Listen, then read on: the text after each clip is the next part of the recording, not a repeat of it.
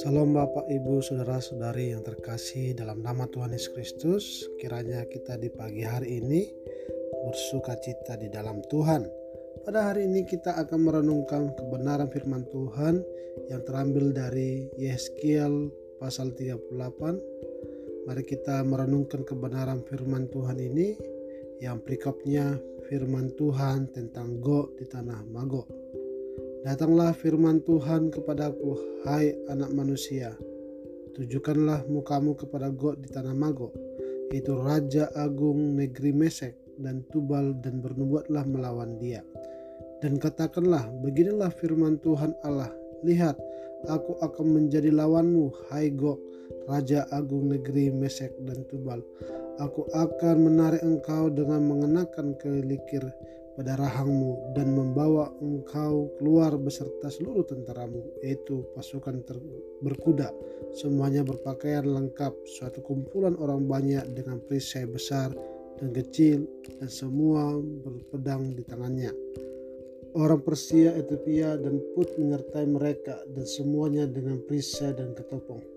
Orang Gomer dengan seluruh bala tentaranya Betogarma dari utara sekali dengan seluruh bala tentaranya banyak bangsa menyertai engkau. Bersedialah dan bersiaplah engkau dan semua kumpulan orang yang menggabungkan diri dengan engkau dan jadilah pelindung bagi mereka.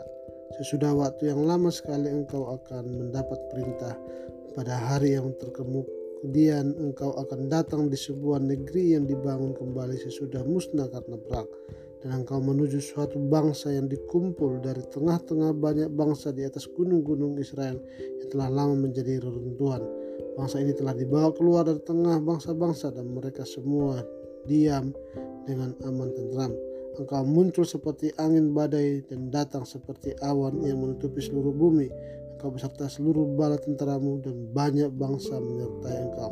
Beginilah firman Tuhan Allah pada hari itu timbullah niat dalam hatimu dan engkau membuat rancangan jahat. Engkau berkata, aku akan bangkit bergerak menyerang tanah yang kota-kotanya tanpa tembok dan aku akan mendatangi orang-orang yang hidup tenang-tenang dan diam dengan aman tentram.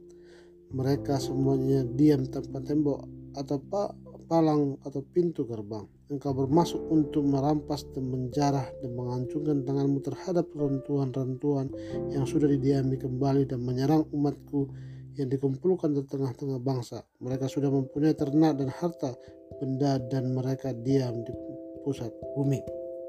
Bapak Ibu bisa membaca sampai ayat 23 nantinya. Tapi pada perikop ini membahas tentang penghakiman terhadap God dan Magog. Dan pasal berikutnya berbicara mengenai God dan Magog, musuh yang kuat bagi orang-orang Israel yang mengerikan terhadap orang Israel dan membuat mereka ketakutan. Tetapi tentara God dan Magog akan dikalahkan habis-habisan dan rancangan mereka digagalkan. Dan nubuat ini besar kemungkinan digenapi beberapa waktu setelah kembalinya bangsa Israel dari pembuangan mereka apakah itu dalam pertempuran-pertempuran mereka dengan raja-raja Aram, terutama dengan Antiochus Epiphanes atau dengan suatu cara lain yang tidak dicatat. Tidak bisa kita katakan. Jika sejarah suci perjanjian lama sudah mencapai jauh sejauh nubuatnya, maka kita akan memahami pasal-pasal ini dengan lebih baik. Tapi karena kunci itu tidak ada, kita tidak bisa masuk ke dalam untuk mencari tahu maknanya. Allah melalui sang nabi telah meyakinkan umatnya akan masa-masa bahagia setelah mereka kembali ke tanah mereka sendiri. Tapi mereka bisa saja keliru memahami janji-janji yang berkaitan dengan kerajaan Mesias dan hak-hak istimewa yang bersifat rohani dari kerajaan itu. Seolah-olah dari janji-janji itu mereka dapat mengharapkan suatu kemakmuran duniawi yang langgeng. Maka dari itu di sini ia memberitahu mereka bahwa di dunia ini mereka akan menderita penganiayaan, tetapi mereka tidak usah khawatir sebab mereka akan menang pada akhirnya. Kristus pun memberitahu murid-muridnya demikian untuk mencegah kekeliruan yang serupa. Nubuat tentang God dan Magog di sini tidak diragukan lagi disinggung dalam nubuat yang berhubungan dengan akhir zaman dan yang tampak masih belum digenapi dalam Wahyu 20 ayat 8 bahwa God dan Magog akan dikumpulkan untuk berperang melawan perkemahan tentara orang-orang kudus seperti halnya nubuat-nubuat perjanjian lama tentang kehancuran Babel disinggung dalam Wahyu 18. Akan tetapi dalam kedua nubuat ini, nubuat-nubuat perjanjian lama mendapat penggenapannya dalam jemaat Yahudi, sama seperti nubuat-nubuat perjanjian baru akan mendapat penggenapannya dalam jemaat Kristen ketika tiba waktunya. Dalam pasal ini kita mendapat bercampur baur.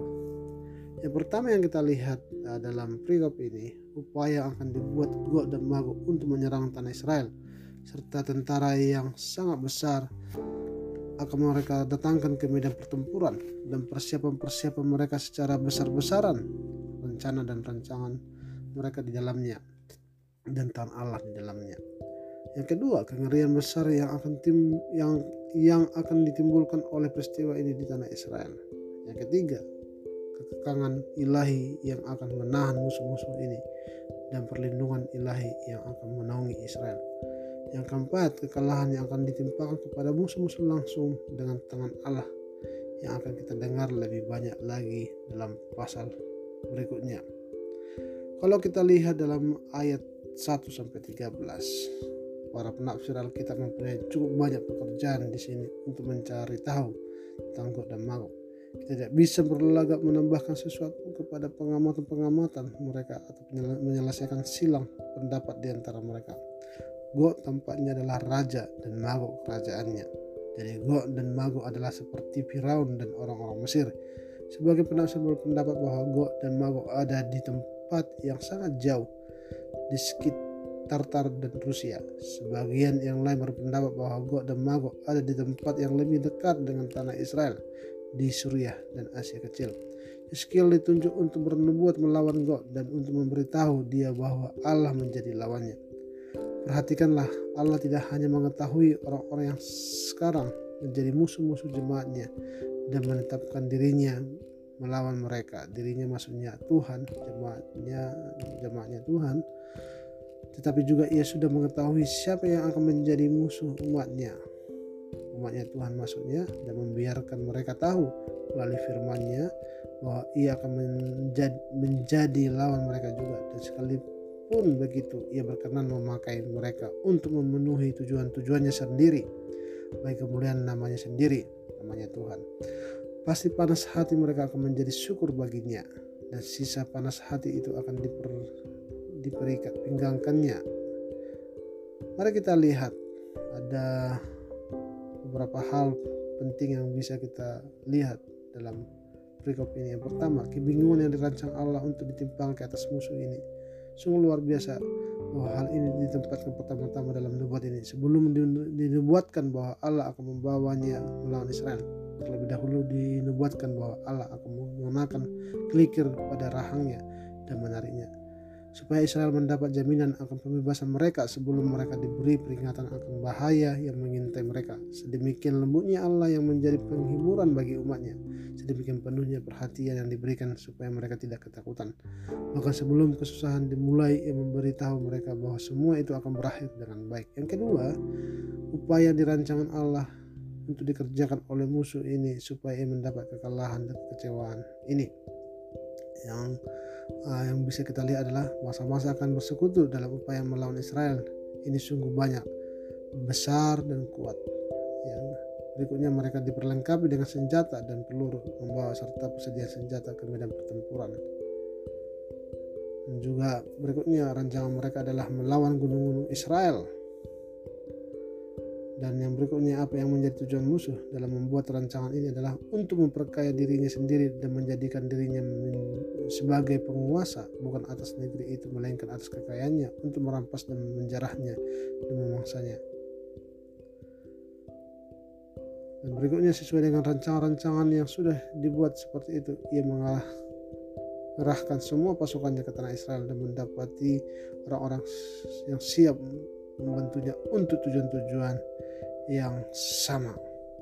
Kesimpulan yang kita ambil dari perikop ini adalah di mana Tuhan menunjukkan kedaulatannya kepada semua bangsa, di mana Tuhan mengetahui rancangan-rancangan jahat yang dilakukan oleh musuh-musuh pada saat itu. Dan inilah waktu yang pas momentumnya bagi mereka di mana Tuhan menunjukkan kedaulatannya bagi semua bangsa bahwa Tuhanlah yang berkuasa bagi semua bangsa. Kiranya dengan perikop ini kita memahami bahwa Tuhanlah yang berkuasa atas semua bangsa, atas atas diri kita semuanya dan marilah kita semakin percaya kepada Tuhan atas segala sesuatu yang sudah Tuhan lakukan di perjanjian lama itu dalam kitab Yeskiel ini.